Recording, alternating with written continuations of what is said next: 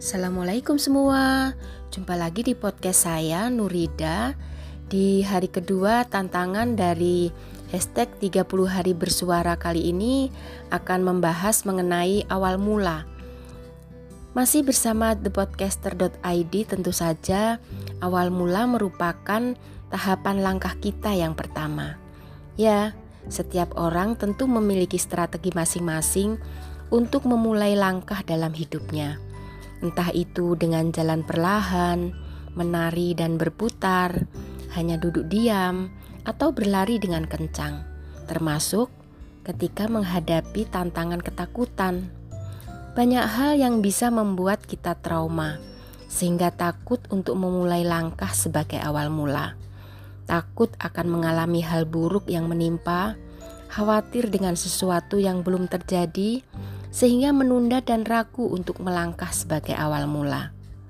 Seperti ketika belajar naik sepeda saja, rasa takut tentu saja ada, terjatuh dan sakit, atau malah menabrak dan cedera.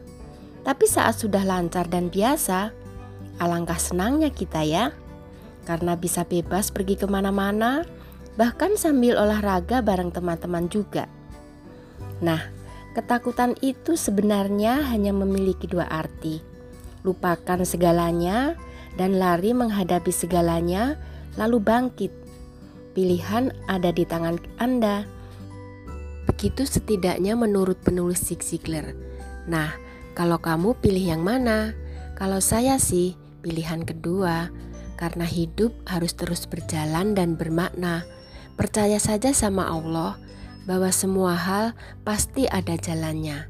Bismillah, jangan takut melangkah sebagai awal mula. Demikian sharing kita kali ini. Nantikan terus tema lain di episode berikutnya ya.